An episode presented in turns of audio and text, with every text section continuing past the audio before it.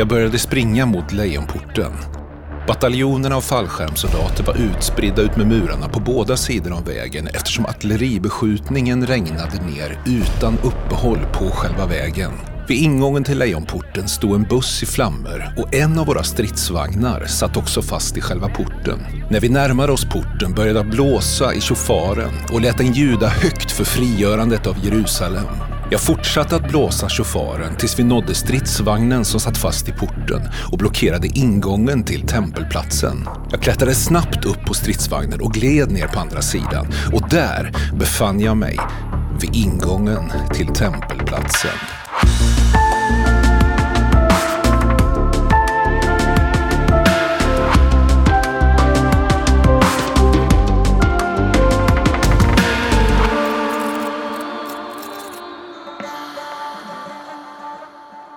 Ja, Roar, nu sitter vi här. Det är dags för andra avsnittet. Det blir eh, väldigt roligt. Det är ett spännande år vi håller på Ja, med. är du laddad? Ja, jag är jätteladdad. Du har laddat med Pepsi Max, ser jag. Pepsi Maxen måste vara på plats. Ja, det är bra. Men du, eh, med, med det liksom sagt då, vad, vad är det för år, år vi ska prata om idag? Alltså det är ju ett år som är så, eh, så intressant. 1967. Man- Jag kommer nog säga det många gånger, men 1967 det är... Ja. Ja, det är väldigt, eh, det är väldigt speciellt. Eh, vad är liksom, eh, om, om du bara ger oss på, på 15 sekunder, vad, vad är fokuset idag? Liksom? Vad, vad hände år 67? Ja, det är ju, eh, alltså det är ju sexdagarskriget som det kallas. Det, det är de arabiska länderna och eh, Israel som clashar tillsammans och Israel till slut får kontrollen över Judeen och Samarien, Västbanken. Så det, det är ju det som är centrum i det hela. Ja, nej men precis. Och i, i, i våra länder, då, Sverige och Norge, så är det ju nästan som att det här berättelsen börjar 1967 om vi skulle gå på vad våra medier säger. Så det är ett väldigt viktigt år på det sättet. Eh, men vi har ju redan backat ganska mycket längre bak för att eh, måla bilden hela vägen. Men lite bara vad som händer runt om i världen. Det är ju mitt i kalla kriget här. Eh, Där ju framförallt Sovjet och USA liksom är i, i, eh, i ständig konflikt och beredskap. Och det får man väl sätta in även dagens konflikt i, det liksom världs, världspolitiska läget. Att den konflikten som vi ska prata om är ju en del av det, Absolut. så att säga. Ja, men, men så är det ju. Eh, är Alltså Israel och, eh, och alltså, du kan ju säga att de här fronterna hade ju inte format så jättetydligt i Mellanöstern just på den här tiden. Men, men just Nej. nu vid sex, 67 där och efter 67 speciellt, då, då blir det väldigt hårda fronter. Men, men även lite innan. Men eh, Mellanöstern var ju lite sådär eh, ett maktspel mellan de här två supermakterna. Ja. Och vi har ju då eh, alltså det stora kriget som ju också pågår nu. Det är Vietnamkriget. Vi har hela liksom hippierörelsen och eh, i samband med det kan man ju koppla på studentrörelsen med också eh, 68. Det kommer ju efter naturligtvis med den sexuella revolutionen. Alltså det är mycket som händer rent ideologiskt är- eh, runt om i Det är världen. turbulent. Alltså 60-talet är turbulent och även jag föds så att det, det blir ännu mer turbulent. Ja, du föds 67. Är det Inte sant? 67, men 60-talet. Uh, Det står i historieböckerna förstår Ja, det gör det nog sen. Eh, en intressant sak, i, i, i USA, så högsta domstolen i USA, de dömer i fallet Loving mot Virginia att delstatslagar som förbjuder blandäktenskap strider mot USAs konstitution. Alltså att en mörkhyad och en, och en ljus, eh, ljushyad person gifter sig. Det liksom slås fast att så får man inte längre agera. Så, så det känns ju väldigt långt borta på ett sätt, men det är bara ja, 50 år sedan Ja, det, mindre. Exakt. Eller lite drygt. Det, det är lite drygt 50 år sedan. Och, men, och det är ju det Martin Luther King och det hans tid liksom, som är just på 60-talet Ja. där. Så, så det är mycket som händer. Det- Vi har även, eh, om vi, det om vi tänker eh, på, på det kristna planet så har vi andra Vatikankonciliet eh, som, eh, som slutar där, Just det. 65. Och eh, Ja. det är också en viktig händelse, särskilt i rela- relationen kyrkan och katolska kyrkan och judarna. Verkligen, verkligen. Eh, och det sista vi måste säga är att Sverige går över till högertrafik 1967. Ja, just det. Det har- Vi har hört stories om det där här i Norge. Du vet hur storyn går. Ja, du får berätta tror jag. det var ju så där att ni ville ta det lite lugnt, så ni började den ena veckan med tungtransporterna, låta dem köra på högersidan och sen eh, veckan efter, så, de som var kvar. Ja, just det. Ja, exakt, exakt. Det Kan jag tänka mig. Nej, har ni haft vänstertrafik i Norge? Är inte... Eller hade ni, bil, hade ni bilar, hade ni vägar på den här tiden? 67? Nej, det var väl lika Eller var det? innan tror jag. Det var bara bergsjätter och, och liksom vandrings... Tack, vi kan gå vidare nu. Ja, ja, vi gör det.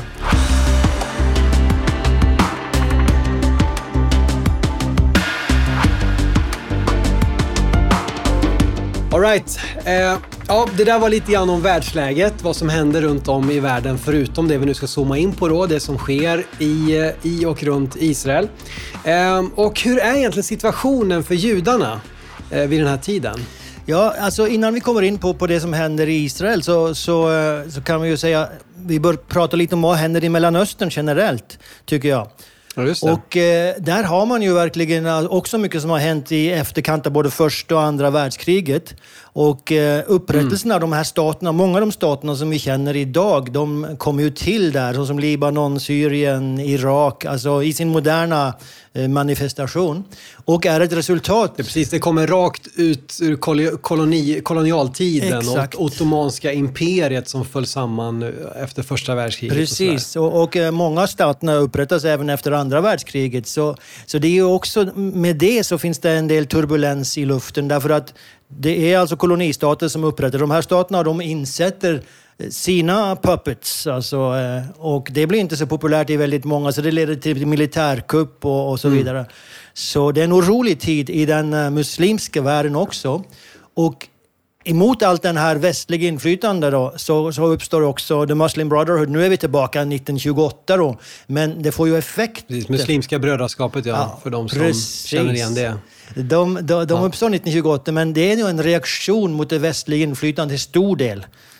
Tillbaka till islam, eller islam är lösningen, är deras slagord. Så det, det är intressant och det, vi konstaterade i första avsnittet att det här är ju, det här är ju liksom civilisationens vagga. Samtidigt så här på 60-talet så är det på något sätt eh, nyfött. Alltså, det är också väldigt ungt då, även om det är så gammalt. Ja, just det, det så är det.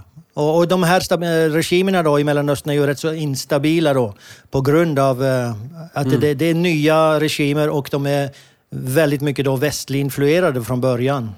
Ja. Och staten Israel, den är alltså bara 19 år Precis. eh, vid det här tillfället då, från 48 till 67. Eh, och nu så är man 2,7 miljoner invånare, eller medborgare. Eh, vilka är de och hur många var de 48 och liksom, eh, hur ser den där utvecklingen ut av staten? Alltså de var, eh, på- vid 1948 var det 600 000 och eh, Judar alltså, eller, eller, eller liksom invånare överlag? judar. Eh, var 1,2 miljoner araber i det här området som blir då eh, alltså Israel slash Västbanken. 1,2 miljoner araber, 600 000 judar. Eh, Men nu vid det här tillfället som du säger så är de 2,7 och då, då är ju väldigt många sådana här som har kommit ur de arabiska länderna eh, som är resultat av eh, fientligheten som uppstår mellan de arabiska länderna och Israel. Så en 750 000 eh, har nog kommit därifrån. Ja. Under, eller de, de kommer Så- så- bara år, första fem åren efter Israels upprättelse. Så vi, vi hör ju väldigt mycket i våra dagar om de palestinska flyktingarna. Och det är ju någonstans mellan 600 och 800 000 eh, araber då som lämnar det här området efter frihetskriget 48. Men det som vi inte alltid pratar om, det är ju precis det du säger nu, att, att det kommer lika många eh, judar från de arabiska länderna som ju utvisar mer eller mindre judarna direkt i anslutning då efter eh, det, blir, det blir omöjligt att leva som jude i de arabiska länderna efter 48. Ehm, och, och, eh, men vi hör inte talas om de judis, det judiska flyktingproblemet.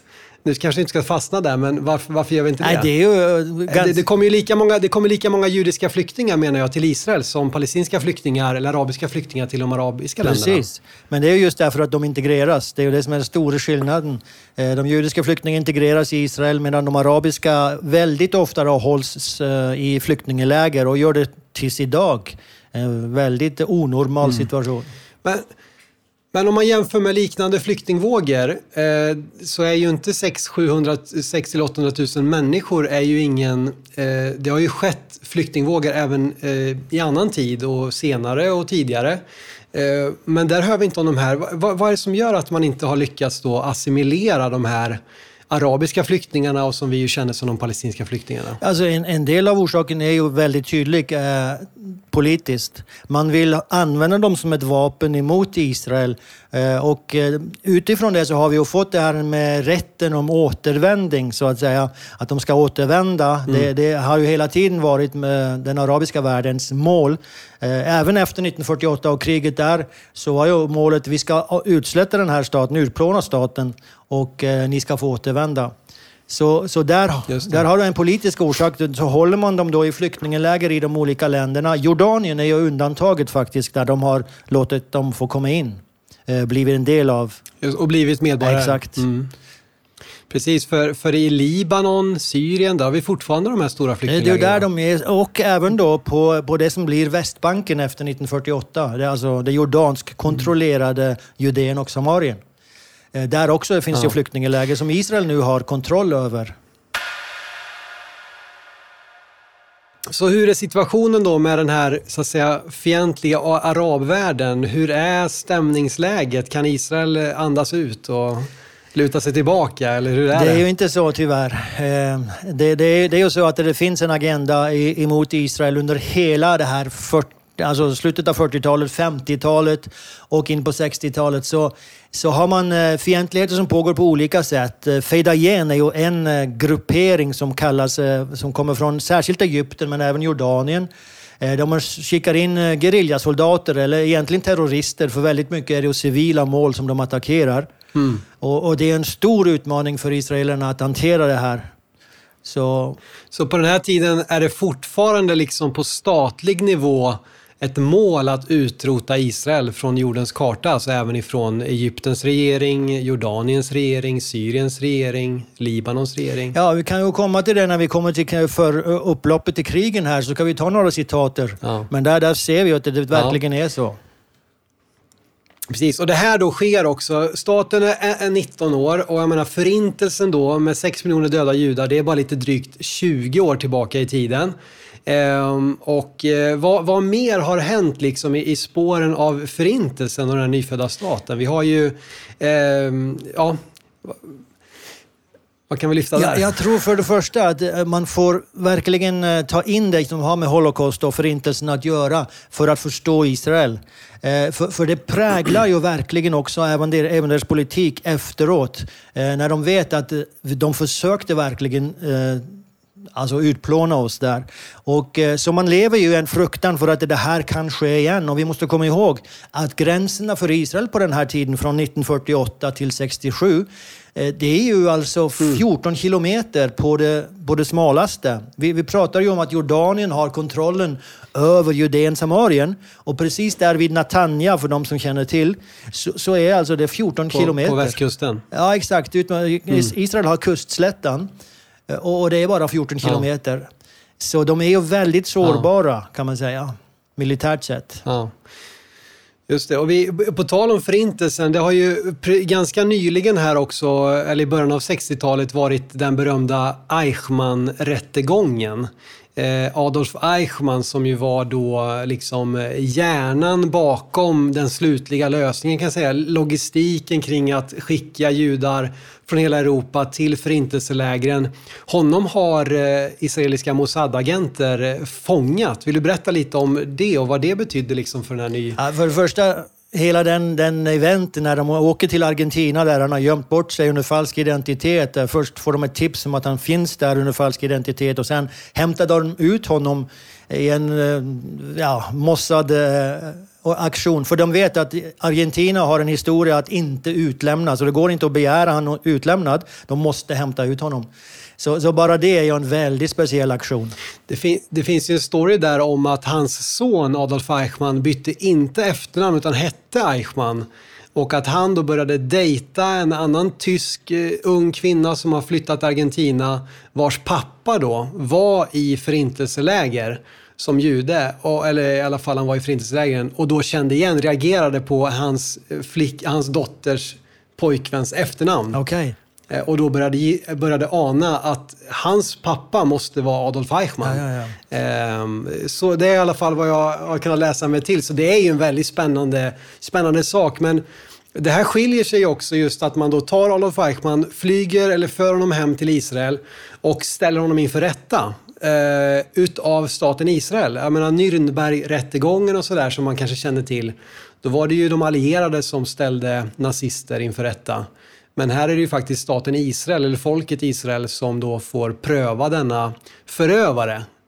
Eh, det är ju en väldigt gripande sak. Det, det, och, det, och det som händer här, som är den stora skillnaden här, att här så kommer ju då vittnen som verkligen har varit i de här lägren att vittna emot honom. Det skedde ju inte under Nürnberg, eh, vad jag förstår. Eh, så, så, men här är ju det, det som är det stora fokuset. Det är lite intressant bara sån där, mm. Gidon Hausner var, var, han som var aktor i den här saken och, och ledde då här anklagelserna mot Eichmann.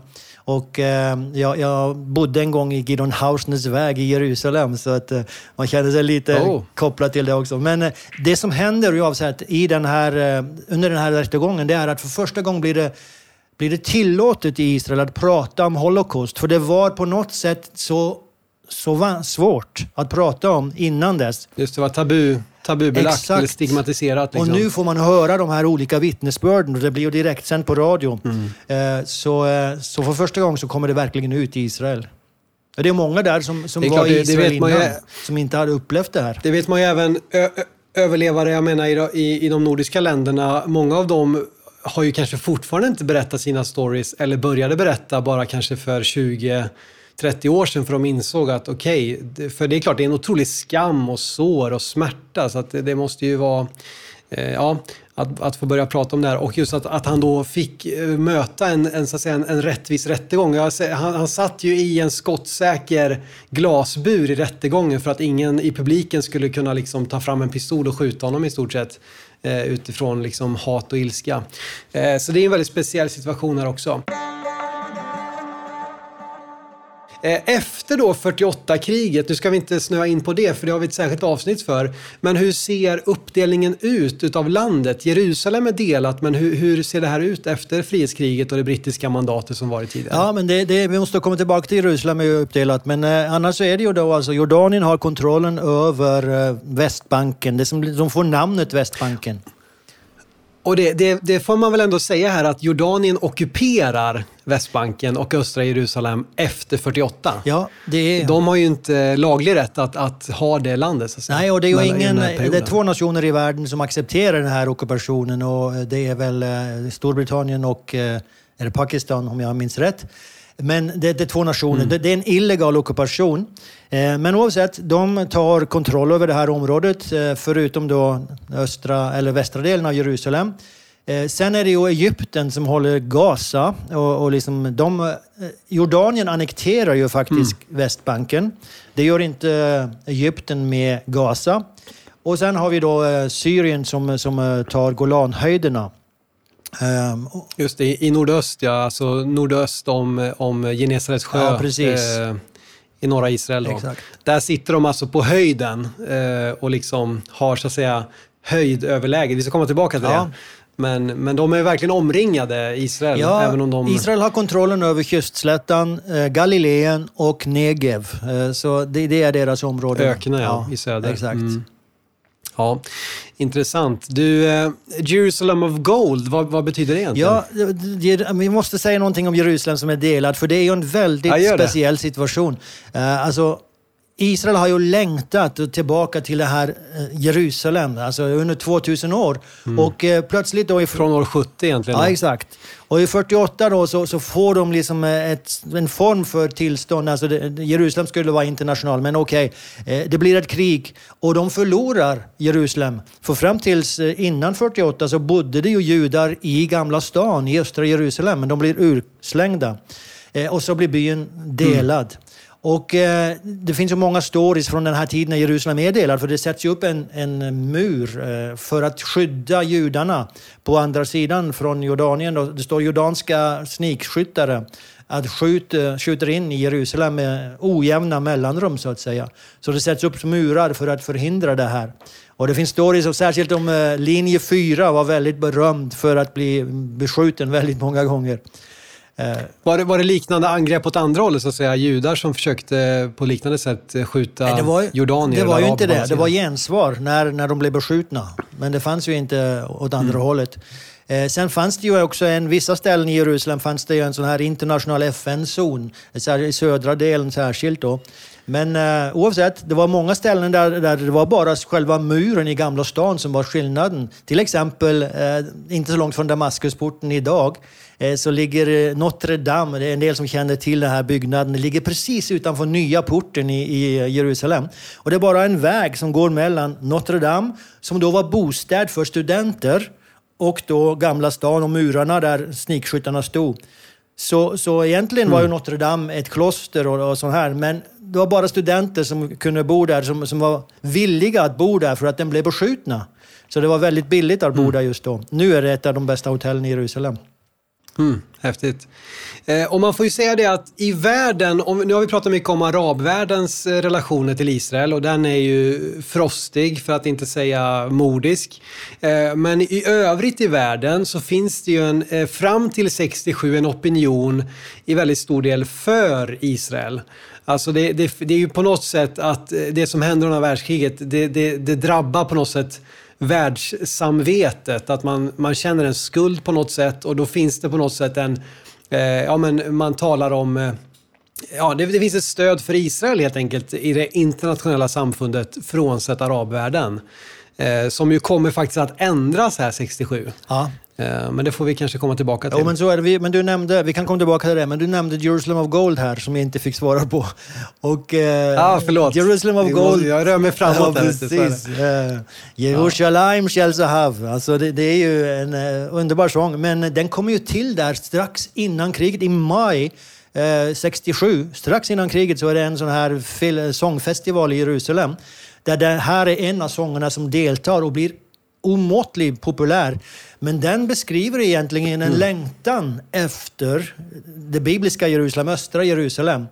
Uh, och uh, mitt under kriget faktiskt så skriver hon till en ny vers för att uh, nu har vi faktiskt kontroll, kontroll över de här bitarna. Så, så, men från början så är det mm. längtan efter liksom, vägen mot Jeriko och så vidare. För det, den kunde de inte åka på. och då... Nej, österut. Ja, precis. Mm.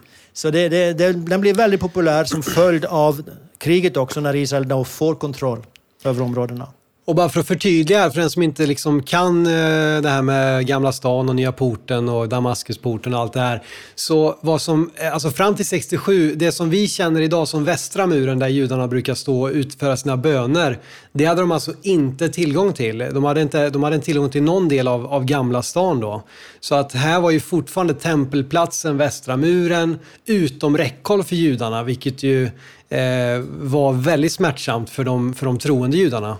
Att inte då kunna ja, precis. Man kan ju eh, egentligen, vara på den här platsen och, och be. Man kan ju egentligen mm. säga att det historiska Jerusalem var utanför räckhåll för judarna. För, för den västliga Jerusalem, västra delarna, det var, allt var ju byggt efter 1860.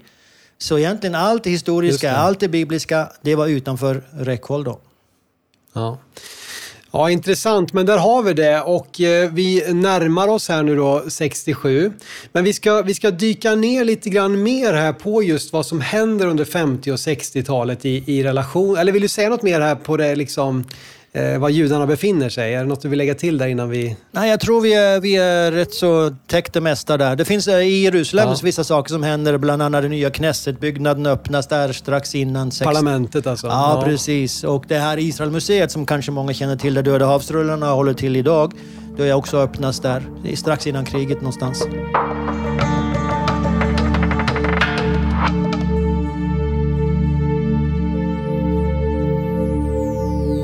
Relationerna då med de arabiska länderna, den konflikten vi ska tala om idag, sexdagarskriget, det är ju alltså ett krig primärt mot Egypten, Syrien och Jordanien. Eh, och vi ska, vi ska gå in lite grann på de tre länderna och prata lite om eh, viktiga personer i de länderna och relationen som har varit då från 48 fram till 67. Eh, och vi kanske ska börja då med Egypten som ändå är, är en huvudaktör här i detta. Eh, ja. Ja. Och, eh, och som där vi också har då, i, mitt i den här perioden 1956 så har vi då Sinai-kampanjen där det eh, kommer till ett rejält eh, krig mot Egypten. Så, så vi pratar om de här attacken som kom hela tiden, Feidayen, gerillaattacken. Eh, men det var ju också ett krig det här emellan 48 och 67 eh, som har också mer eh, internationella konsekvenser för Storbritannien Precis. och Frankrike är med där också. Ja, och det, det, känner man ju kanske igen som Suezkrisen, alltså Suezkanalen. Här har ju Egypten ganska nyligen blivit självständiga och de bestämmer sig då för att ta kontroll och förstatliga Suezkanalen som ju är den här otroligt viktiga eh, ja, men, eh, vattenvägen som gör att man slipper åka runt hela Afrika. Den byggdes ju av britterna när de hade kontroll men nu har Egypten bestämt sig för att nej, nu tar vi kontroll över Suezkanalen eh, och liksom stänger ute britterna och fransmännen. Eh, så det här är ju, här är ju, eh, den konflikten är ju egentligen både Israel men framförallt Storbritannien och Frankrike som alla har gemensamma intressen här att liksom trycka till Egypten som tar, börjar ta sig lite för stora friheter. Ehm, och eh, även hotar väl med att stänga Tiransundet som ju är Alltså Israels vattenväg ut ifrån Eilat i södra spetsen. Ja, de stänger um, ju ehm, faktiskt det Tiransundet. Och, eh, just det. Så för, för Israels del så kan du säga att det är lite andra motivationer för Israels del än det är för Frankrike och Storbritannien.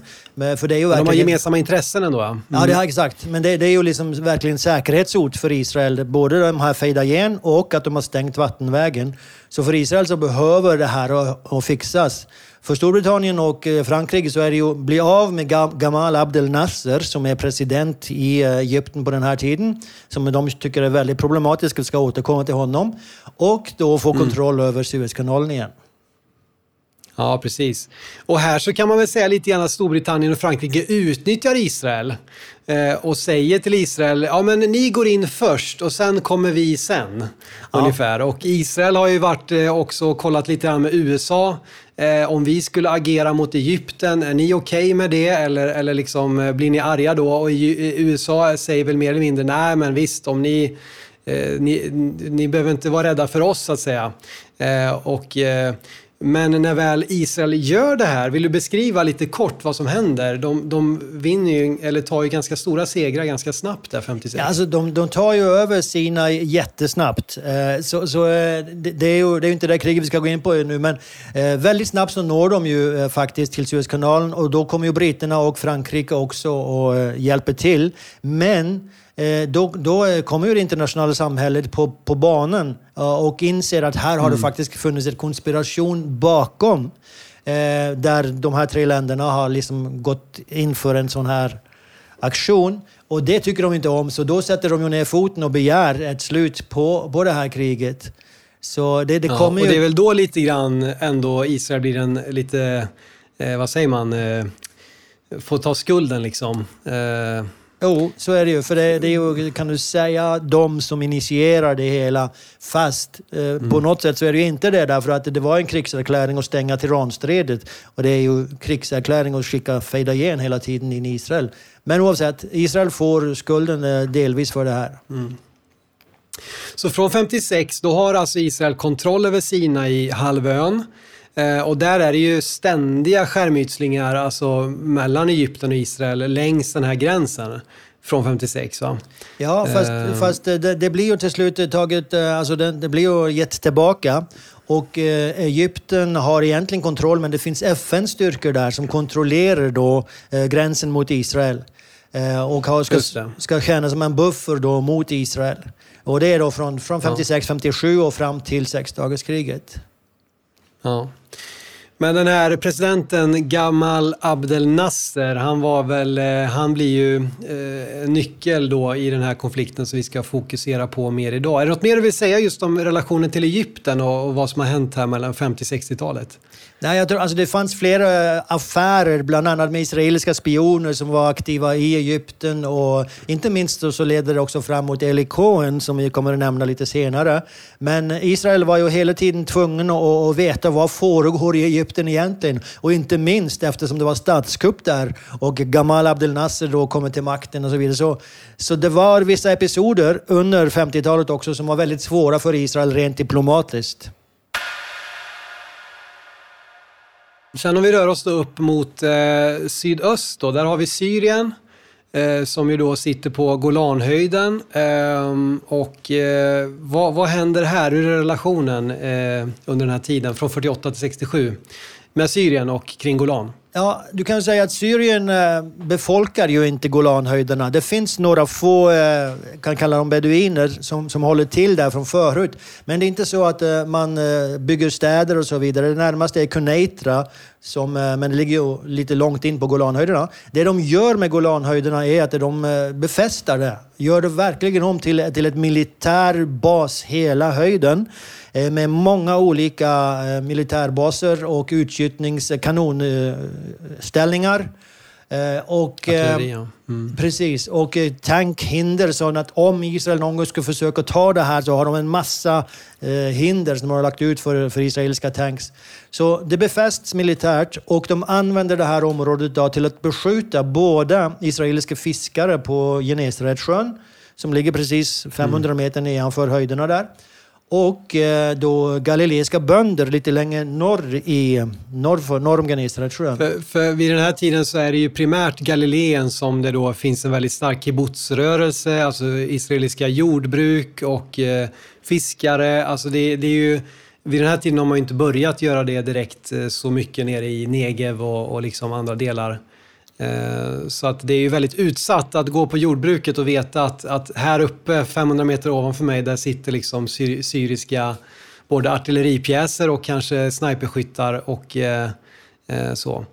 Ja, och inte bara att de sitter, utsatt. men de är ju aktiva också väldigt ofta. Så, ja. så det att fly till skyddsrum var ju en väldigt vanesak för de som bodde, inte minst i Huledalen då, som ligger norr om Genesaretsjön, men nedanför Golanhöjderna ja. då. Just det. Ehm, och här har det också varit massa militärkupper. Ja. Ehm, och vi har några nyckelpersoner där. Eh, Salah Jadid och Hafez al-Assad. Det, det, är ju egentligen Hafez al-Assad som blir den... Eh, alltså Salah Jadid, det är knappt någon som känner till hans namn. Men han leder ju Syrien efter, efter kuppet. Uh, och... Uh, men det är Hafez al-Assad som är försvarsminister under sexdagarskriget och som sen kommer att ta över eh, makten i Syrien vid ett militärkupp. Mm. Och, så det är han det, som är den... Det är lite det är lite intressant där. Du har ju först då en militärkupp som det här Baath-partiet. Det är väl samma parti som Saddam Hussein eh, var aktiv i va? Stämmer. Baath eller eh, hur man nu säger. Så det är en militärkupp där då al-Assad blir ledare för flygvapnet. Sen 66 är det en ny militärkupp där man gör sig av med de gamla ledarna i Baathpartiet och nya ledare kommer till och där är ju då Salah Jadid en radikal ledare.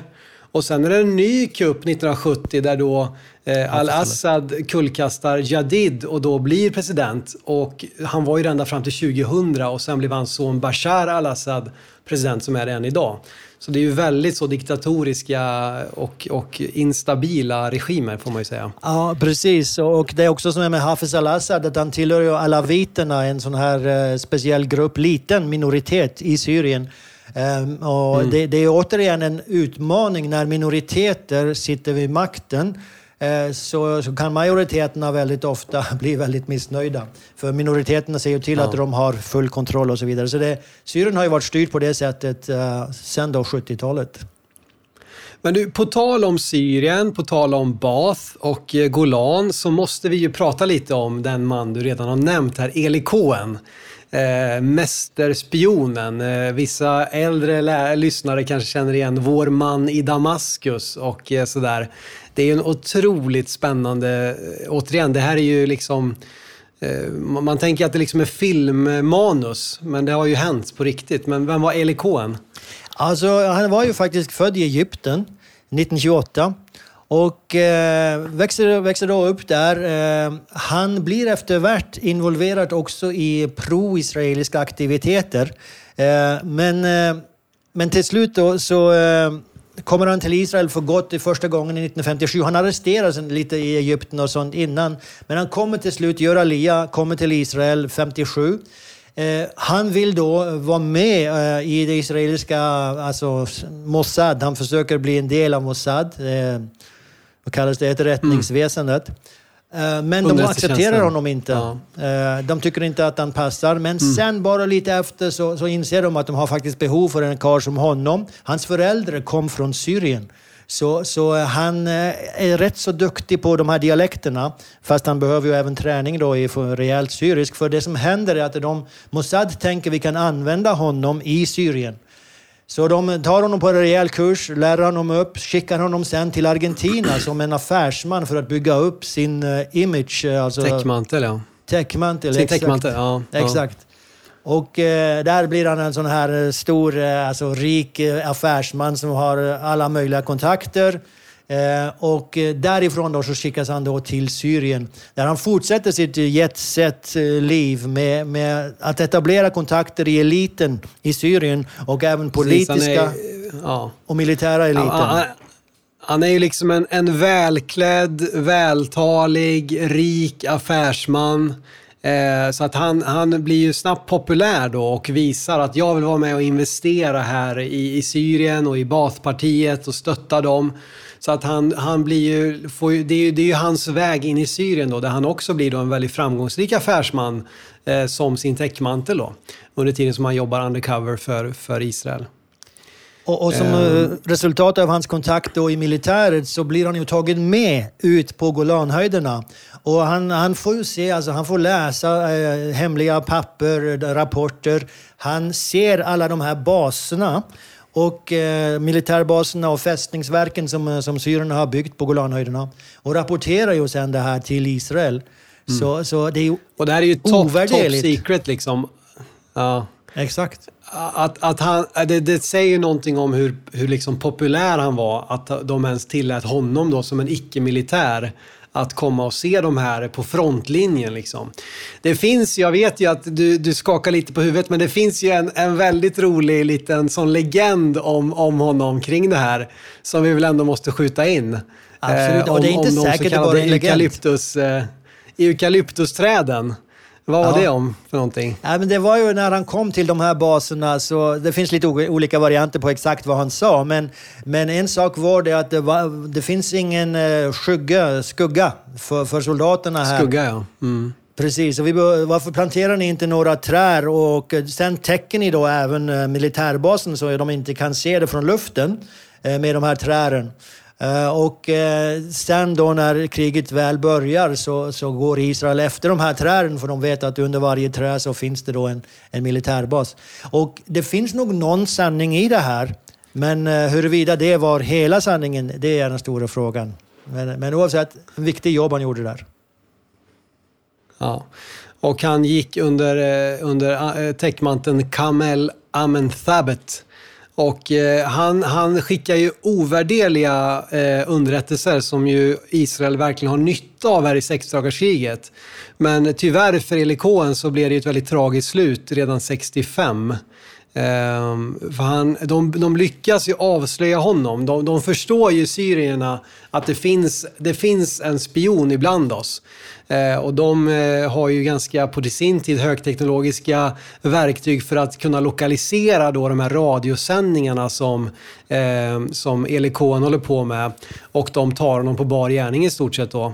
Eh, och han hängs 1965 den 18 maj på Marietorget i centrala Damaskus. Ehm, så att han fick ju, och det är lite tragiskt för han hade ju sagt till israelerna att jag tror att de är på väg att avslöja mig ehm, redan i januari. Men Precis. israelerna tyckte nej, åk tillbaka och gör en sista resa in. Och då tog de honom. Ja. Ja, det, det är ju tragiskt. Han kände ju verkligen så, på sig att det här ja. Eh, kan, kanske inte går. Eh, men eh, så blev det. Han, har ju, han har ju också, var ju gift och, och hans fru är ju fortfarande i livet och bor i Israel då. På tal om Eli Cohen då, så blev det ett eh, tragiskt slut för honom tyvärr. Men eh, han fick vara med och ge ovärderlig underrättelseinformation i alla fall inför det här kriget, då, sexdagarskriget. Kan vi bara rekommendera ja. eh, Netflix-serien The Spy eh, från 2019. Den är väldigt välgjord. Eh, och det är en otroligt spännande story detta, måste man säga. Så, så det kan vi, det kan vi tipsa ja, precis. Det är ett viktigt bidrag som han gjorde i alla fall till det, till det här kriget. Man vet ju inte hur det hade gått utan hans bidrag. Dagens avsnitt presenteras av Forsbergs Mäklarbyrå. Och eh, Forsbergs de vill slå ett slag för Förenade Israelinsamlingen som ända sedan 1920 har verkat för att bygga upp landet Israel och nu på senare år framförallt genom olika biståndsprojekt.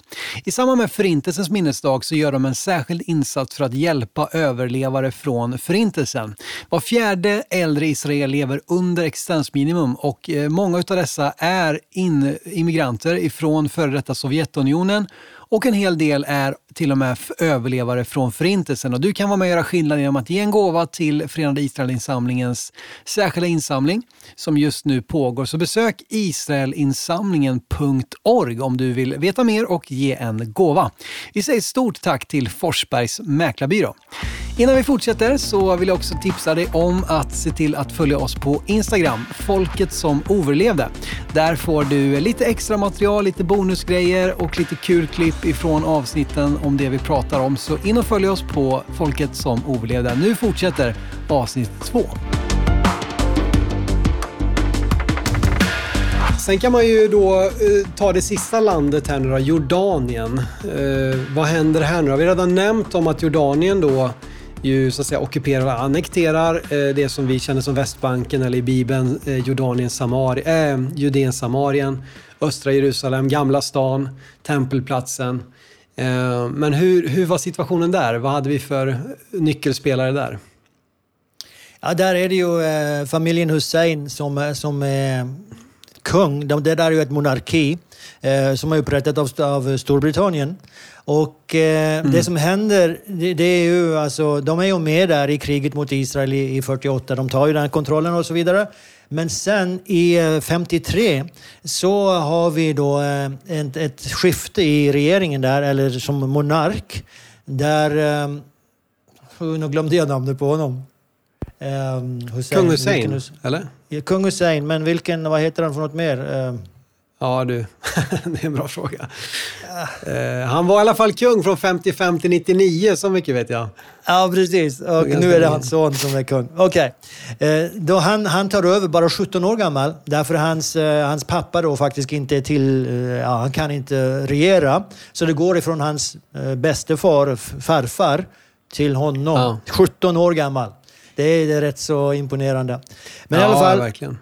Han, han eh, blir, tar makten och han är duktig eh, som statsman. Han lyckas manövrera väldigt bra i de här olika eh, maktbalanserna som finns i, i Mellanöstern och en ung mm. stat också. Men eh, till slut då så, så, blir han ju med i det här kriget och han är ju faktiskt, eh, när vi kommer fram till sexdagarskriget så är ju han inte hundra på om han ska attackera eller inte. Vi ska komma Nej, till precis. det också. Och vi får säga också, han är alltså 40 40 släktled i rakt nedåtstigande led från profeten Muhammed. Eh, enligt eh, traditionen då så att säga. Och det, ja, precis. Så att han, han, är ju, han är ju från ädlaste eh, släkt så att säga den, i, inom islam och, och så. Ja. Um, du kan säga upprättelsen av Jordanien var ju liksom Storbritanniens eh, tack till eh, de hashemiterna i Saudiarabien. Så de kommer ju därifrån, hela den här familjen. Ja, precis. Det sista vi ska nämna här då är ju en annan väldigt viktig händelse som har hänt och det ska vi inte gå in så djupt på för jag har ett särskilt avsnitt om det. Men det är ju att 1964 så etableras då PLO, Palestinian Liberation Organization, alltså palestinska frihetsrörelsen kan man säga då. Alltså det här är alltså första gången som då palestinska araber formerar sig under en typ av ledarskap och så. Eh, och de var väl inte minst, utgick väl mycket från Jordanien eh, och till viss del Syrien kanske, där de hade då sina gerillafästen och sådär. Vill, du, vill du säga någonting kort om det? Mm. Ja, man kan ju bara säga att de, de får ju flytta runt lite efter ett tag. Så det, det börjar ju faktiskt i Egypten med Ahmed Shoukairi. Eh, alltså, det finns en förlöpare för det som vi, vi känner ju mest till Yasser Arafat. Eh, och den versionen. Mm. Men eh, oavsett, de, flyttar lite runt på grund av att de blir inte så populära då de håller till. Så det, det är korrekt som du säger, både Jordanien och Syrien är platser, de, eller Libanon särskilt, är platser där de är väldigt mm. aktiva till olika tider. Men så att säga, eh, vid den här tiden har man väl börjat tala ändå om palestinier. eh, alltså just palestinska araber. När, när började de kalla sig det så att säga? Ja, du kan säga på en, fortfarande, alltså innan sexdagarskriget så finns det ingen palestinsk identitet som folk. Eh, det finns eh, vissa intellektuella, och, så, och då, bland annat då, eh, Palestinian Liberation Organization, som använder det för politiska syften.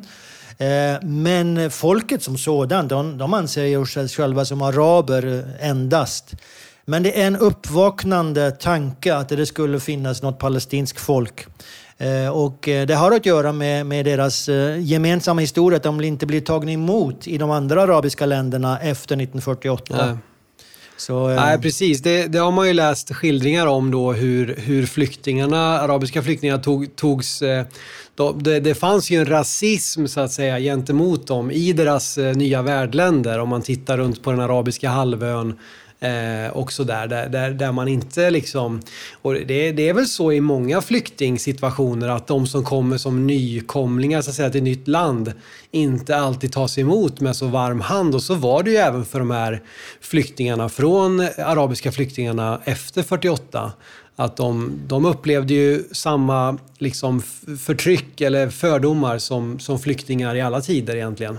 Jo, samtidigt som det är lite annorlunda eftersom eh, alltså det fanns ju inte de här länderna som vi nu pratar om, alltså Jordanien, mm. Libanon.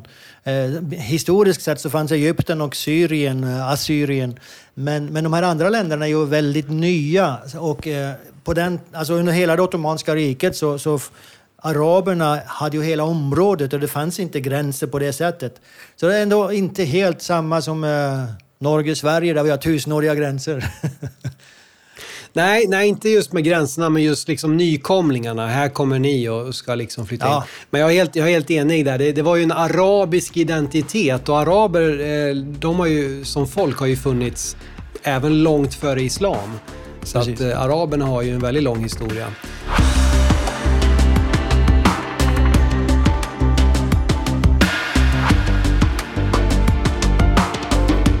nu börjar det närma sig. Nu är vi alltså framme på 1967. Och eh, vi hör ju att det är ju spänd, spänt läge här. Eh, och vad är egentligen förspelet till det här sexdagarskriget? Vissa kallar det för junikriget också. Eh, som vi ska komma ja. in på.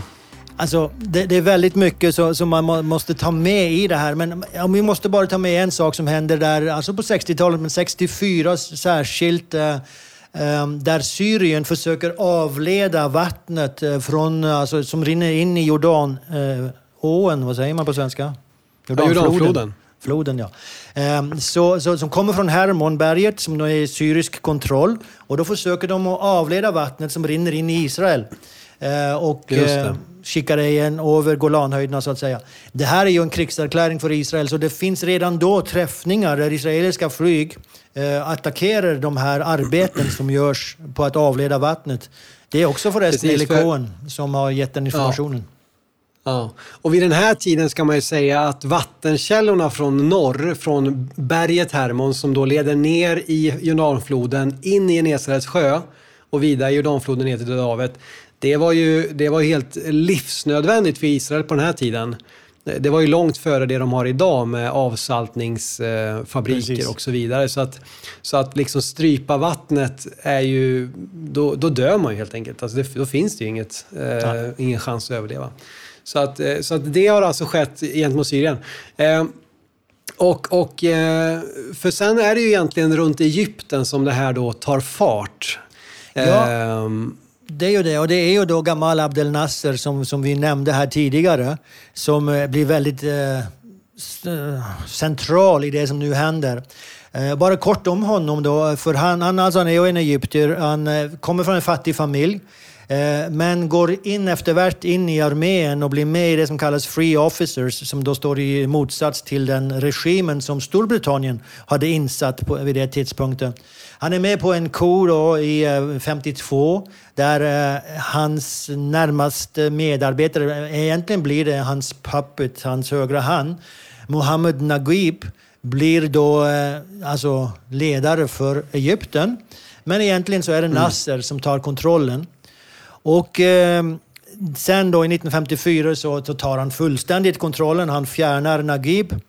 Och eh, sen så fortsätter han bygga bland annat Aswandammen som vi känner till. Han, han gör mycket, mycket bra också för Egypten, alltså internt sett så gör han mycket bra. Eh, men eh, han är inte särskilt religiös. Eh, fast alltså, till en viss grad så är de ju alla religiösa. Men han, han jobbar emot de här Muslim Brotherhood, eh, muslimska bröderskapet. Och även arresterar mm. deras ledare Said Qutb och, och får honom avrättad på 60-talet. Så han är väldigt i motsats till dem. Han, han är ju den här mer sekulära men ändå muslim. Alltså, men åt det sekulära hållet ja. eller mer liberala ja, hållet. Det är, väl mycket, det är väl mycket det nationalistiska då va? Alltså ja, att man, exakt. Väldigt stark nationalistisk identitet och särskilt nu då i kölvattnet av kolonimakterna. Liksom, nu är det vi, vi är egyptier, vi är muslimer, vi är liksom araber. Precis. Uh. Så är det.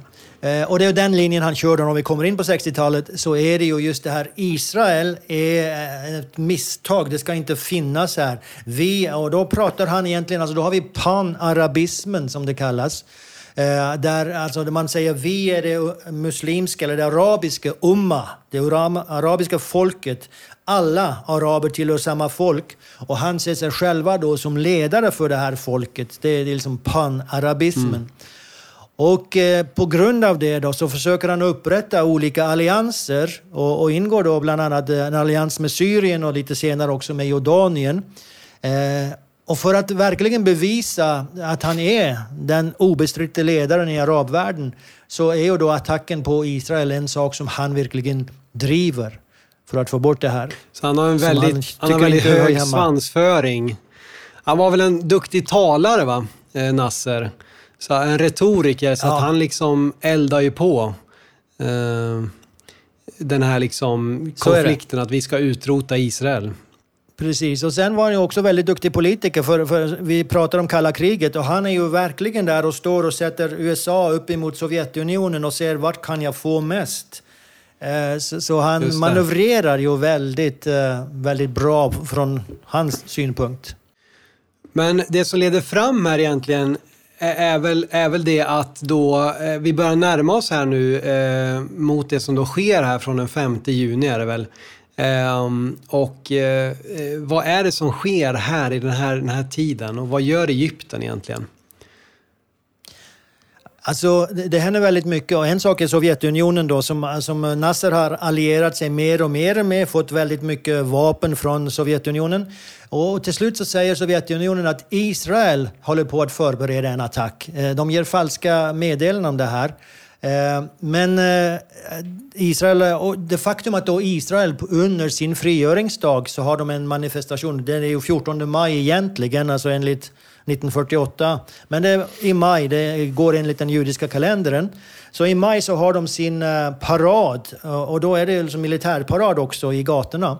Och det är väldigt lite tanks gentemot vad eh, som har varit på de tidigare paraderna.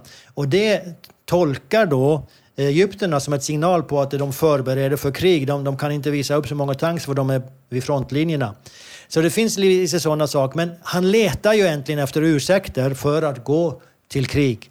Eh, så då är de här sakerna någonting som spelar in i, i det hela.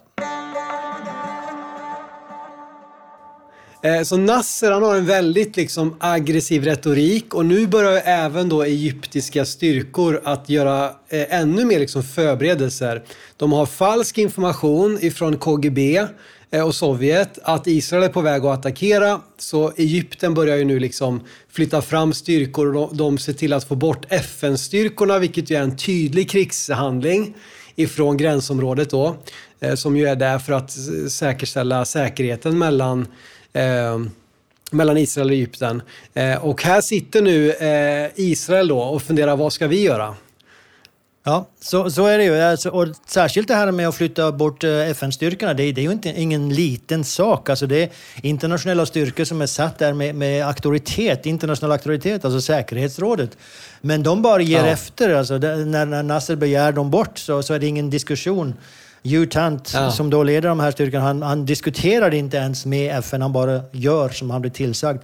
Eh, mm. så, och sen då också så stänger de det också till slut då, eh, Tiranstredet igen för Israel. De stänger Tiransundet ja, så att de, det är ju ytterligare då, precis som de gjorde 56 så gör de det här 67 igen. Precis. Och eh, då, då har jag lite citater här från vad som sägs de olika, olika datum på, på radio i Kairo och, och eh, lite uttalanden här. Så bland annat 15 maj på, på Kairo radio som då är nationalstyrt så sägs det våra styrkor är nu i full krigsberedskap och de lägger till araber, detta är vår chans att ge Israel ett dödligt utslättande, utplånande slag. Att utplåna dess mm. närvaro i det heliga landet. Eh, och det säger man alltså på radio? Det säger man på radio. Och sen samma dag då ja. så säger Nasser, som är alltså president där, bröder, det är vår plikt att förbereda det slutgiltiga slaget i Palestina. Mm. Eh, och ett citat till då från 18 maj på Egypts eh, arméradio. Metoden vi ska använda mot Israel är totalkrig som vill resultera i utplånelsen av den sionistiska existensen. Så det, det, det är mm. inte småord som läggs fram. Uh, Nej, och, och, och, nu är det ju så att Israel är ju så litet rent geografiskt så att om de får så säga utsättas för ett rent försvarskrig de har ju liksom ingen, de har ingen, inget landområde att falla tillbaka på. Alltså, du pratar om den här 14 kilometers gränsen till exempel.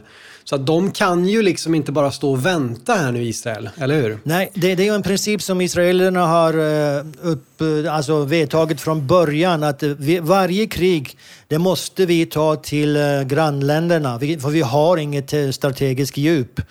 Så, ja. så det är så de utformar sina planer också. Vi måste ta kriget till dem. Ja. Och mannen som väl väldigt mycket ligger bakom det här nu besluten, det är ju försvarsministern Moshe Dayan. Ja, eh, precis. Eller hur? Eh, det är det. Eh, och han, han är ju inte försvarsminister egentligen, men han blir, kommer in när man ser att det här bygger upp till krig. För han är faktiskt precis. inte i Arbeiderpartiet längre. Han var där innan, men hade gått till ett annat parti. Ja. Så oavsett, han kommer in, ja.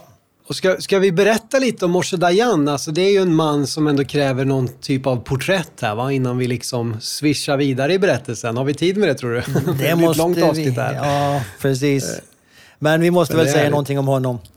Eh, Han är ju en hjälte, en israelisk hjälte måste man säga. Ja. Eh, och det här är ju piken av hans karriär. Precis. Eh, men eh, alltså, han föds alltså 1915 i dåvarande Ottomanska imperiet då. Ja. Eh, I den första judiska kibbutzen, Alef Degania. Ja. Eller Alef Degania. Så att han är ju verkligen liksom... han, är, han är med innan ens, innan ens britterna kommer dit, före, eller under första världskriget.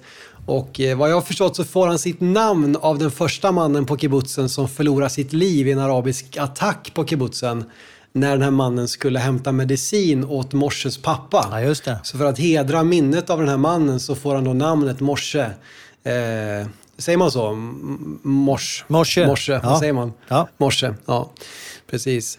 Eh, ja, du får fylla upp. Ska jag, ska jag fortsätta här eller vill du, Nej, vill du fortsätta du... hans lilla hjältestory?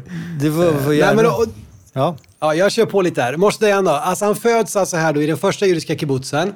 Som 14-åring går han med i Haganah, alltså den, den inofficiella armén då, judiska armén innan ens Israel fanns under det brittiska mandatet. Och han ingår då i Palmach, de stridande förbanden. Han strider för eh, eh, Storbritannien under andra världskriget och där blir han då bland annat av med sitt ena ögat 1941 där i strid med syriska trupper när en kula träffar hans kikare från liksom hundratals meter så, så skadas, förlorar han sitt ena öga och, och är ju därför väldigt karaktäristisk med sin ögonlapp på ena ögat då. Från att han stred för Storbritannien under andra världskriget. Sen då är han alltså militär ledare i frihetskriget 48. Han leder bland annat förbanden runt Jerusalem. Han blir sen general för Israels södra arméer. Eh, och inte minst då den här krigföringen mot Feidajin som vi pratade om tidigare. Han blir senare generalstabschef och överbefälhavare. Eh, utnämnd av Ben Gurion själv som en av hans sista eh, aktiva utnämningar som premiärminister på 53-54 någonting. Eh, och sen då blir han då försvarsminister precis en vecka före det här sexdagarskriget. Och det är väl som du säger då för att man inser att, att här är det på väg att hetta till och vi måste ha en kompetent ledare då längst fram. Precis. Ja, exakt. Det tror du verkligen eh, tog eh, en bra eh, sammandrag av hans liv där. Det, det, som hände Ja, just att han är, han är, han är en hjälte liksom. Ja, Eh, exakt. Sen så får, han avgå tyvärr efter nästa krig, eh, 73, men det, Ja. det ska vi inte gå in på idag. Nej, men han anses ju väldigt många som den ultimata israelen och så, så presenteras det väldigt ofta utomlands också, liksom den här harbarkade mannen. Eh, sen, sen måste Ja. man ju säga att det, det finns ju en annan sida också eh, av honom eh, som bland annat älskar arkeologi. Han var ju jätteivrig när det gällde att samla på sig och det, det här händer ju i ett land där det finns arkeologi nu varje, varje gång du sätter ner span i marken. Så, eh, det. så det, jag har ett citat här om honom eh, där de frågar om hans intresse för arkeologi och han säger varför är, du, alltså varför är du så intresserad i det här? Och han säger det känns som om du lever med dem, alltså de här tiderna som man... Ja. I samma rum för 3000 år sedan. Det känns som om en förhäng öppnas och man går in i deras världen. Ja. Eh, Så, och sen ett citat till som, han, som jag har från honom eh, som pratar om egentligen relationen eh, med araberna. Och då säger han så här. Eh, För 20 år sedan var jag bataljonschef och då tänkte jag nog att vid att vinna kriget har man uppnått målet. Nu inser jag att vid att vinna kriget lyckas du inte, du lyckas med att inte bli dräpt. Men det betyder inte att du lyckas att eh, leva med andra. Så att vinna kriget tar dig kanske bara halvvägs, eller mindre än det. Nu använder jag mest av min tid och tankar och min politiska karriär på att hitta sätt att leva med andra, med araberna. Och det utan att eh, härska över dem. Du, vi, vi ska nog kasta oss in här nu för att han då, han blir utsedd till försvarsminister. Eh, de, de bestämmer sig nu, Israel, för att göra då ett, ett, ett pre... Vad säger man? Alltså ett pre, pre, pre, proaktivt eh, angrepp nu då på Egypten. Ja. Ehm, och det gör man då den 5 juni 1967. Ehm, ge, genom att, eh, att resa ut. Och här har de ju också en, en, en stridslist, så att säga, israelerna. De brukar flyga ut över Medelhavet med sina, flyg, eh, med sina ja, stridsflyg. Eh, och sen då dyka ner på, på låg höjd och så åka tillbaka till flygbasen. Och det här är ett, liksom ett inövat mönster som egyptierna har, har sett på sina radar.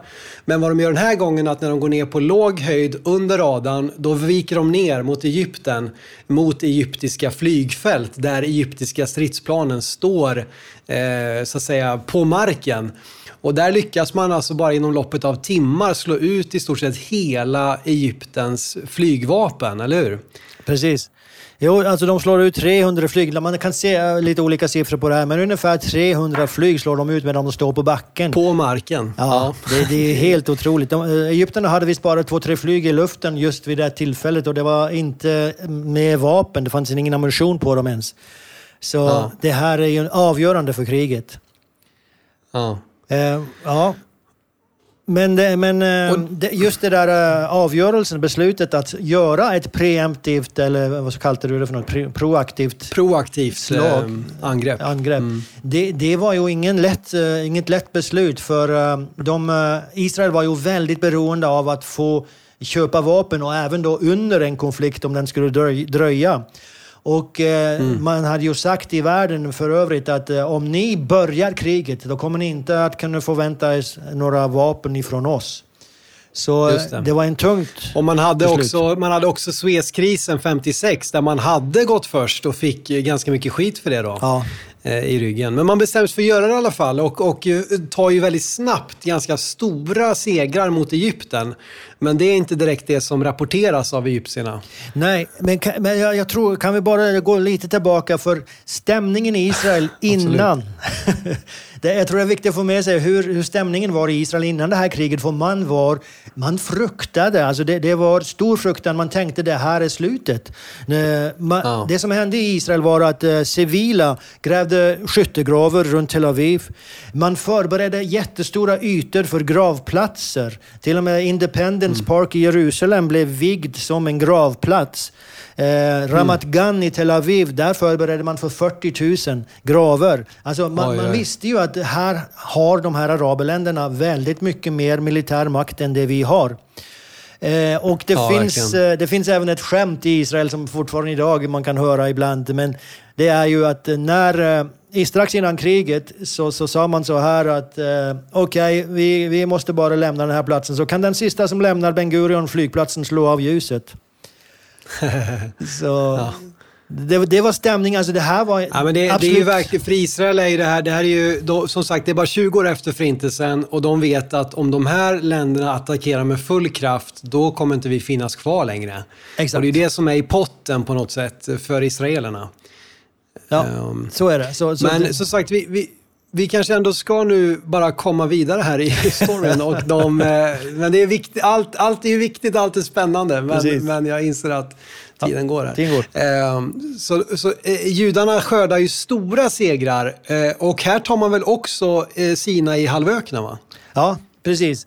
Eh, man, man sätter ju in, eh, efter det här luft, eller tillsammans med luftangreppet då, så kommer ju de skickar in tre, på tre fronter då, i Sinai. Och det går jättesnabbt och det finns många beskrivelser av hur de gör det. Men eh, Ariel Sharon är ju central. Ariel Sharon som senare blir premiärminister, men han är en viktig mm. general just då. Så det som de gör är egentligen att de omringer den egyptiska armén och tar, slår ut dem då, kan du säga. Ja. Så Sinai går eh, rätt så snabbt måste man säga. Och det är så då som vi, du vi säger... Talar, vi talar, vi talar en, alltså, det här är alltså på en dag eller? Som allt det här händer? Ja, du kan säga i löpet av tre timmar på morgonen så går alla de här flygplanen. Och, och sen är det ett par ja. dagar till där eh, som, som det verkligen är slag eh, i, i Sinai. Men sen är det mm. ju i princip avgjort där nere också. Och, och, och, Precis. Det som du sa om och, budskapet här... som, som kommer från Egypten är ett väldigt annorlunda budskap. Precis, Nej, men för nu står ju liksom då Jordanien, för innan det här har skett så har ju även Jordanien och Egypten eh, eh, kommit överens om att vi ska attackera tillsammans. Eh, men Jordanien vill ju bara göra det om de ser att det går bra för Egypten, eller hur? Precis. De, de är väldigt tveksamma på att gå, ge sig på ett krig på Israel. Så, eh, och även då eh, när kriget börjar så skickar ju Israel signaler till Jordanien att om ni inte börjar skjuta på oss så kommer inte vi att attackera er. Precis, men Nasser han kontaktar kung Hussein och säger att vi vinner segrar, vi är på väg framåt och inta här nu. Så attackerar ni också från öster, eller hur? Ja, så är det ju. Han, eh, det pratas väl, jag vet inte om det är i det här fallet att det pratas om vi ska snart äta eller ta en kaffe på Dizengoff. Liksom. Dizengoff är ja, huvudgatan i Tel Aviv då. Ja, så de säger vi närmar oss Tel Aviv, nu är det dags för er. Och då har de i själva verket blivit av med Sinaihalvön och 300, 300 militärflyg. Ja. Eh, så det, det är ju ren propaganda. Men Jordanien attackerar.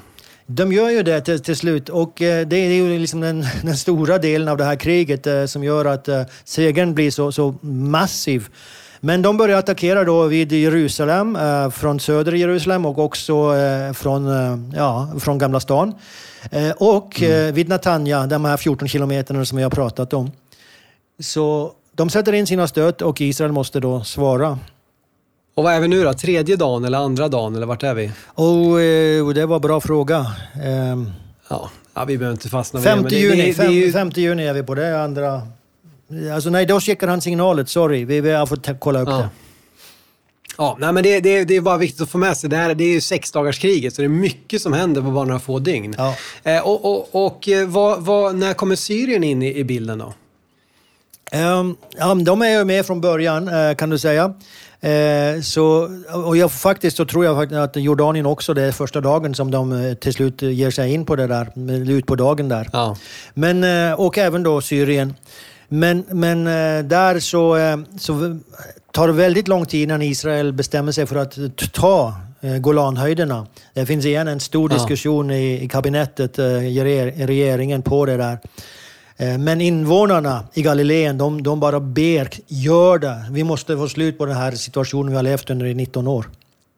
Just det, att de då blir ständigt beskjutna ifrån Golanhöjderna ner mot eh, jordbruken och vattenkällorna hotas och så vidare. Så där börjar alltså Israel väl ett, ett pansarangrepp va? Ja, precis. På Golanhöjderna.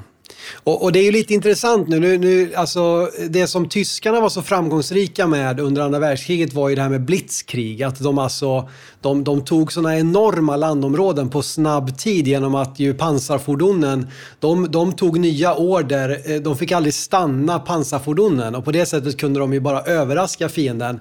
Och de som verkligen har lärt sig det här, vilket de ju fick öva på 56 under Suezkrisen, det är ju israelerna.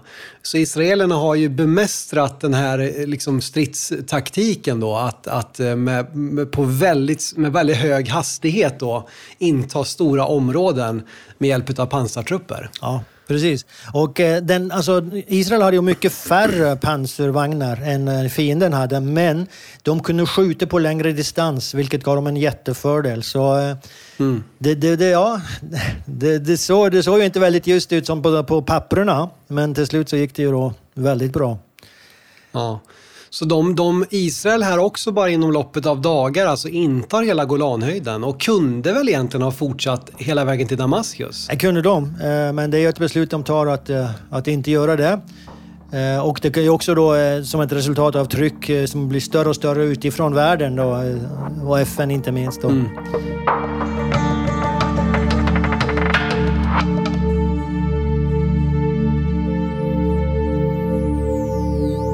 Men vi måste väl tillbaka till Precis. lite mer om, om Jerusalem tror jag. Och hur Jerusalem... Ja, ja, verkligen. Det är ju det som är liksom piken här. Men vi har alltså i, i söder där har man slagit ut Egyptens flygvapen. Man har intagit Sinaihalvön igen.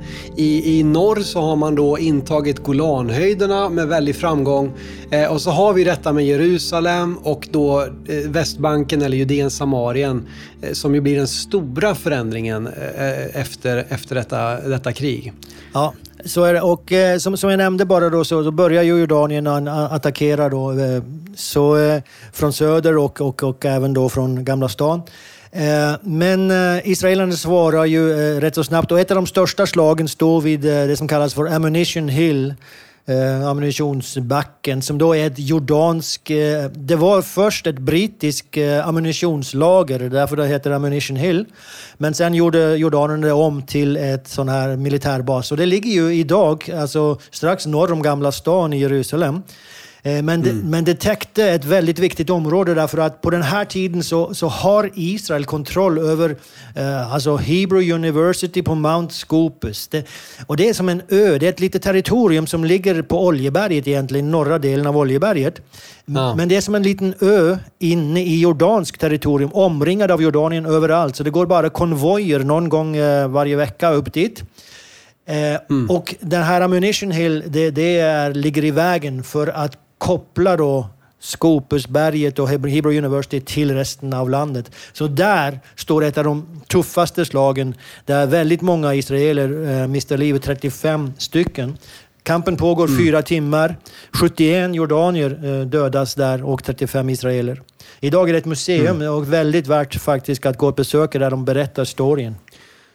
Men, och här nu då, vad händer i de övriga, alltså på, på så att säga Västbanken? Är det, är det liknande pansarstrider där, eller hur, hur utvecklas det där? Ja, det är ju pansarstrider, Det är ju pansarvagnar som man rycker fram med först. Eh, och man kommer ju då upp eh, eh, den, den vanliga vägen skulle jag säga. Det finns tre vägar upp till Jerusalem som där, från biblisk tid faktiskt, som, som arméerna kunde använda. Och, så de kommer ju upp på den norra vägen där och kommer mot Jerusalem från norr och kämpar sig framöver då. Eh, så, mm. Eh, så det, på det sättet så omringar man Jerusalem och eh, samtidigt som man då också kommer inifrån, alltså från västra delen av Jerusalem. Och det, det är den andra mm. storyn som är otroligt intressant. Som det finns väldigt mycket fakta om.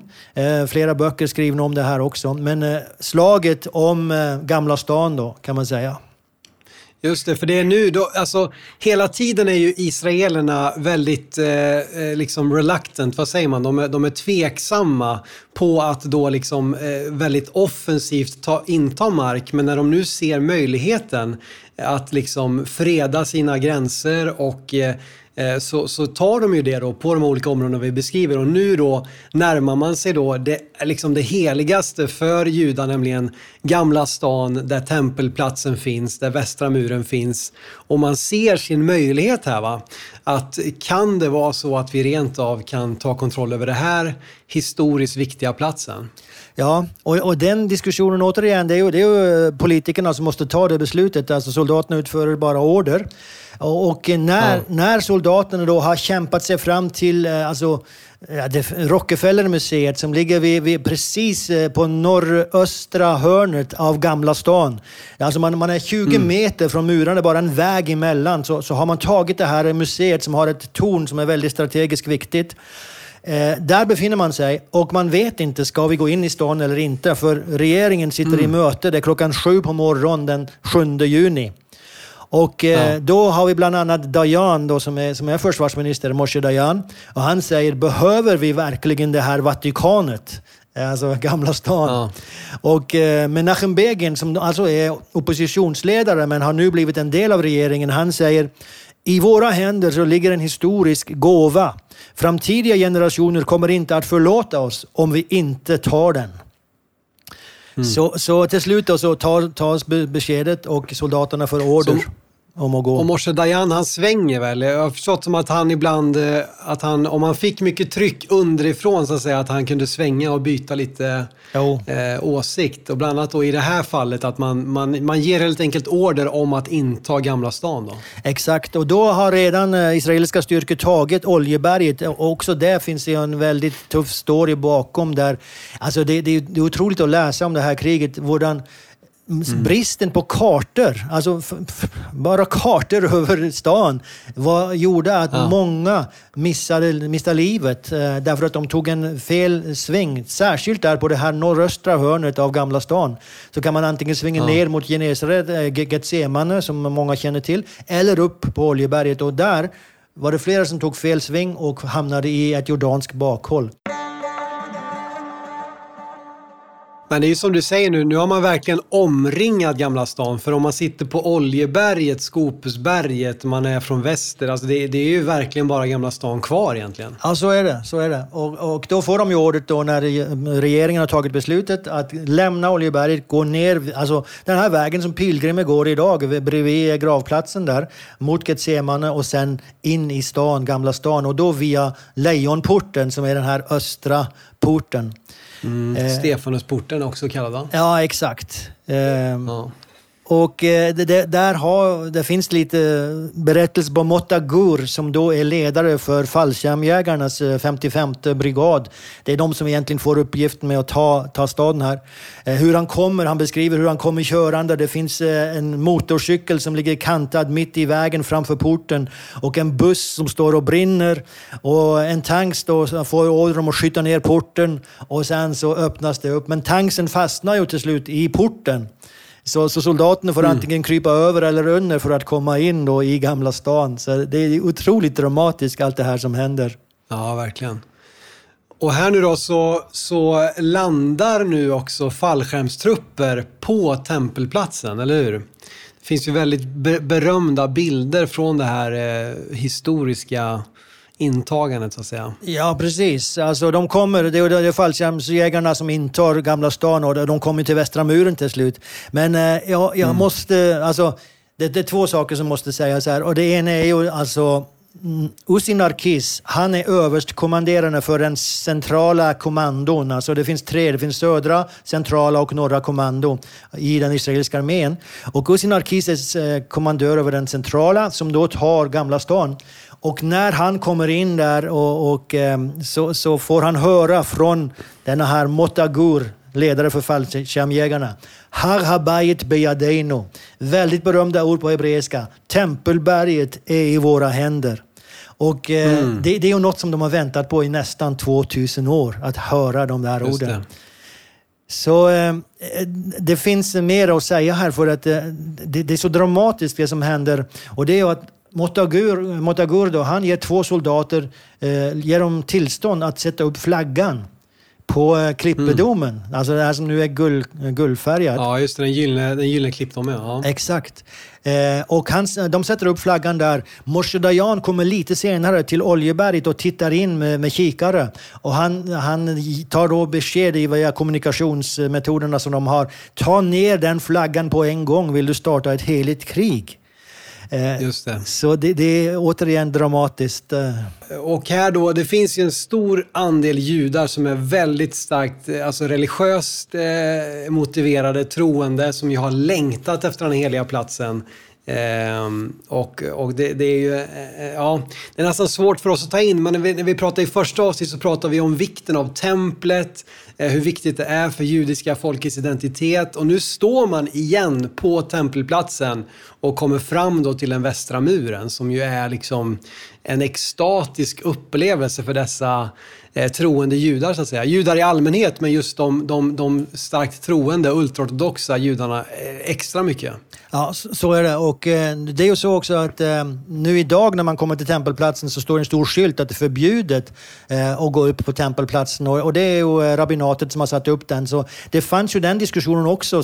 Har man tillstånd att gå här? För kan, man, det- kan det inte hända att vi trampar in i det allra heligaste? Så, så den, den diskussionen ligger i bakgrunden, men den är faktiskt inte dominerande här nu.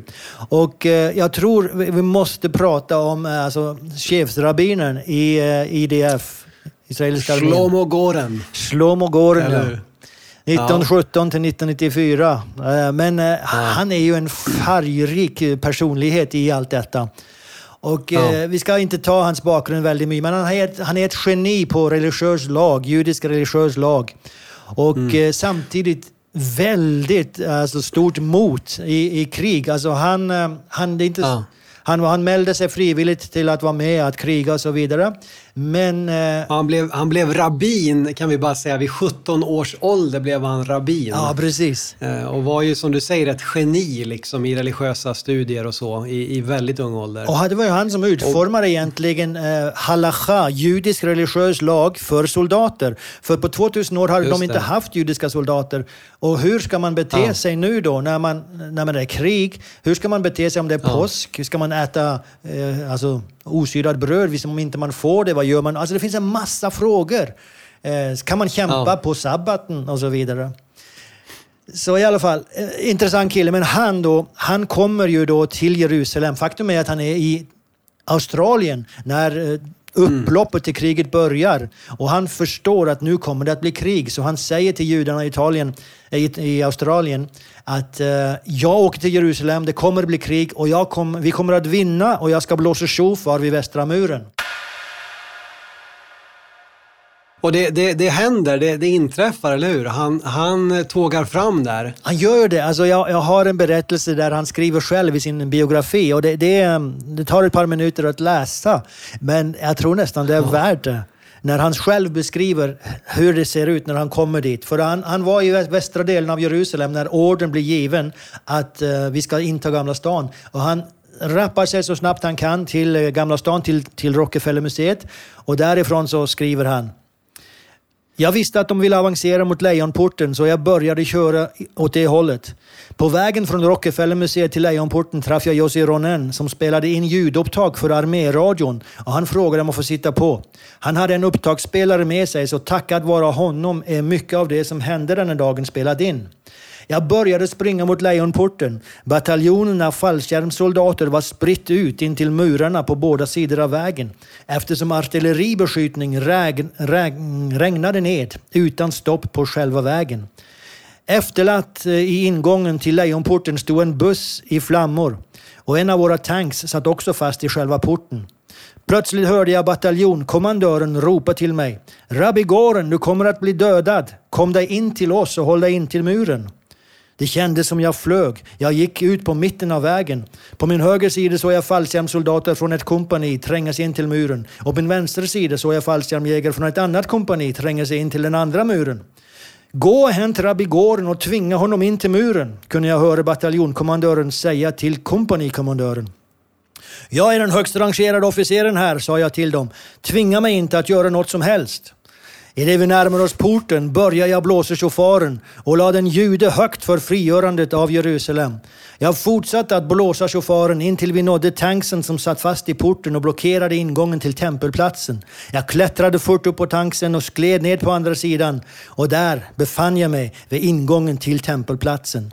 Medan jag kämpade mig framöver började jag uttala böner mellan shofarstötarna medan jag skrek till soldaterna i Guds namn ska ni agera och lyckas. I Guds namn, frigör Jerusalem. Gå upp och ha framgång. Jag fortsatte att ropa hela tiden tills vi stod på tempelplatsen, där jag fann Motagur omringat av sina soldater.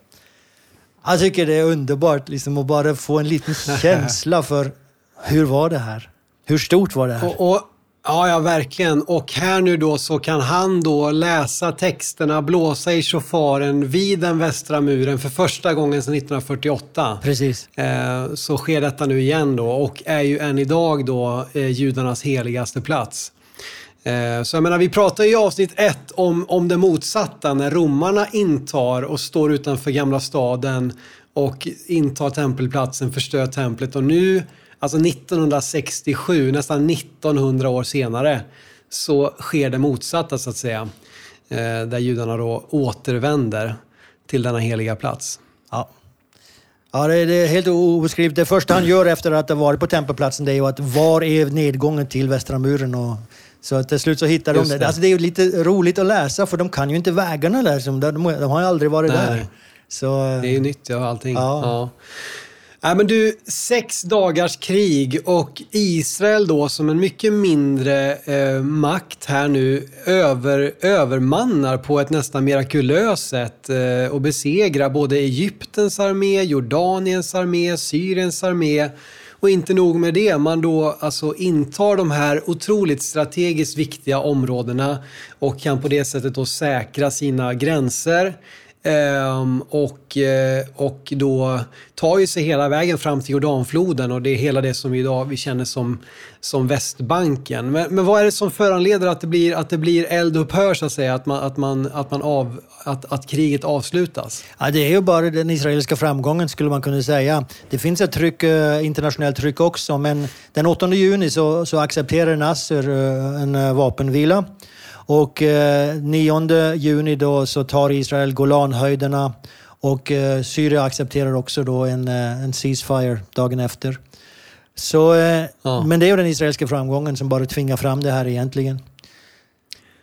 Och det måste också vara så som du är inne på att, att FN och så eh, vill också få ett slut på det. Det är ju så de här konflikterna sett ut i alla tider egentligen. Att det blossar upp, sen är det påtryckningar internationellt och ofta ganska, efter ganska kort tid så liksom avslutas stridigheterna. Då. Ja, så är det. Eh, Och det här, är ju, det här är ju något slags rekord. Sex dagar och sådana omvälvande händelser. Eh, Så att, eh, okej, här har det alltså, vi fått summera det här kriget. Det finns såklart väldigt mycket mer att säga.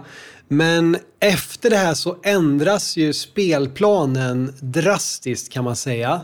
Både för Israel, i världsopinionen. Eh, och vill du bara berätta lite, vad blir liksom resultatet av den här vapenvilan och vad är det som händer därefter?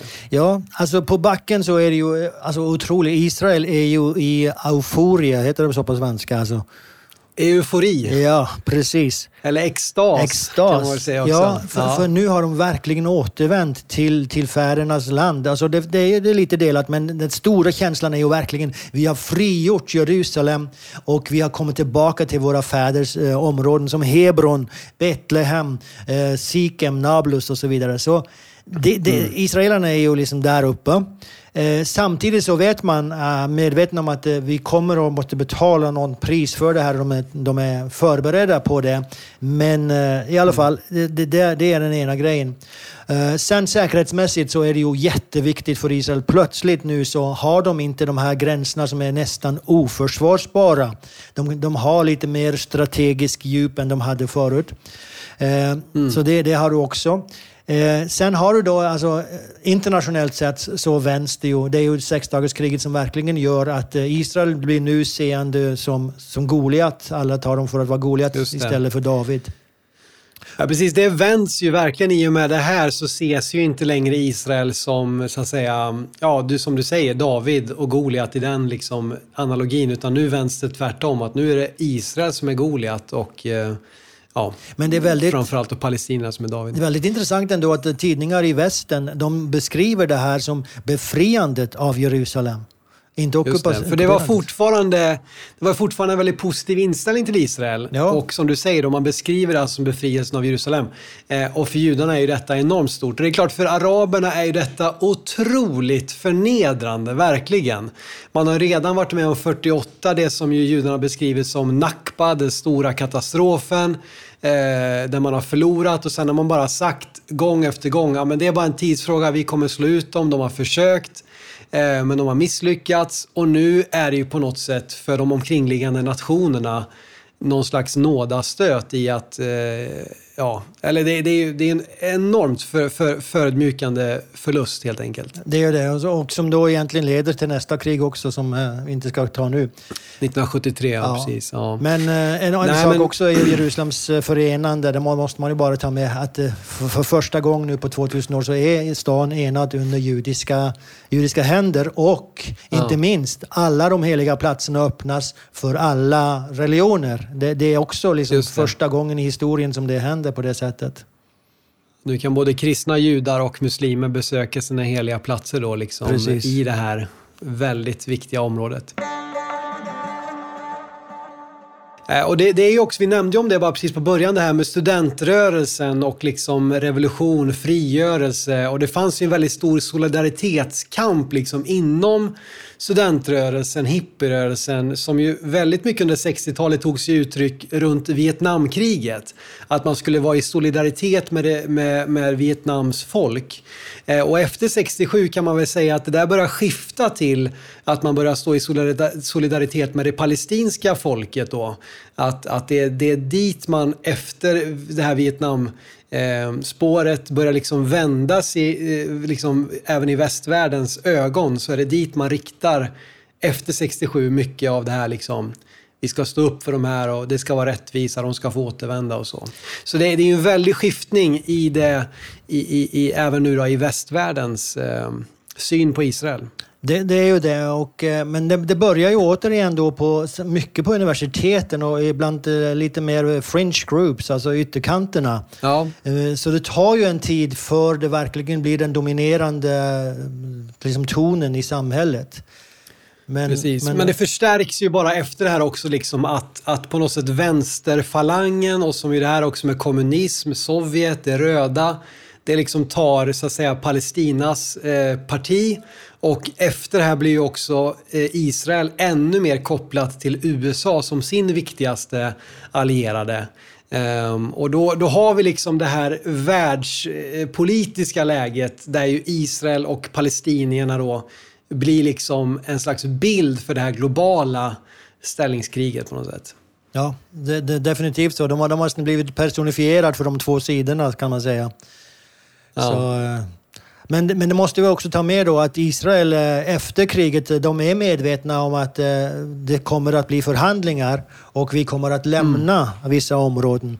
Så de är beredda då att lämna till exempel Sinai men de, och även Golan är de beredda att lämna men de vill förhandla om Judeen och Samarien. Och det. det. som händer är ju att araberna samlas då i 1967, samma året, 29 augusti, i Khartoum i Sudan och eh, kommer med sina, sin deklaration av sina tre nej. Nej till fred med Israel, nej till förhandlingar med Israel och nej till anerkännelse av Israel. Så, Erkännande av staten Israel, ja. Ja, mm. exakt. Så, så det, är ju den, det är ju den arabiska attityden som omöjliggör att det kan bli någon form för kompromiss. Då. Det här blir ju en väldig eh, liksom rekryteringsbas också för PLO. Eh, att här nu så, så visar det sig att eh, de här staterna, Jordanien, Egypten, Syrien, de kan inte göra jobbet. Ehm, och fler och fler börjar ju också ansluta då till PLO istället för att därifrån liksom då bekämpa, fortsätta den här kampen. Ehm, så, så, det blir ju en, en rekryteringsgrund för, för Yassir Arafat och, och PLO. Ja, man kan kanske bara nämna det också att i och med att Israel får kontrollen över Judeen och Samarien så får de ju också kontrollen över väldigt många av de här flyktinglägren som blev upprättade efter 1948. Just det. Så, så det är också en situation som, som gäller fram till idag eh, kan man säga. Mm. Eh, Jordanien gjorde ju inget för att avskaffa dem. Precis, och här då kommer ju allt det som, jag, som vi började med, så mycket i våra media återvänder ju till eh, 1967, gränserna med 1967. Och som vi har försökt att redogöra för så är de där gränserna de är inte så tydliga och det som nu då Israel har kontroll över var tidigare ockuperat, annekterat av Syrien, av Jordanien. Eh, även om nu då Israel får kontroll. Och det här leder ju också fram faktiskt lite senare sen Eh, eller ja, vi kanske ska stanna där helt enkelt. Det, det, vi, vi, får återkomma till fortsättningen här, men, men det här ändrar spelplanen. Eh, både såklart för Israel och judarna på plats, men också i det världspolitiska läget så förändras tonläget. Ja, det är så det är väldigt mycket med grund på vad som händer 1967. Under sex dagar händer allt detta. Även om det såklart finns en lång bakgrund som vi har redogjort för. Ja, precis. Men, men det är som du säger att just den här krigen, den sätter eh, debatt, eh, alltså läget för debatten idag. Eh, man utgår ja. från, väldigt många då som du säger, utgår från 67 och därefter och glömmer det som hände innan. Men oavsett, många termerna ja. som vi använder idag, som gröna linjen, sexdagarsgränserna eller 67-gränserna och Västbanken, de kommer ju från de, den här perioden. Eh, och är med ja. på att forma verkligen debatten idag. Så man måste, om man vill förstå någonting om vad som händer där nere så måste man förstå både kriget och förloppet, inte minst, till det. Just det.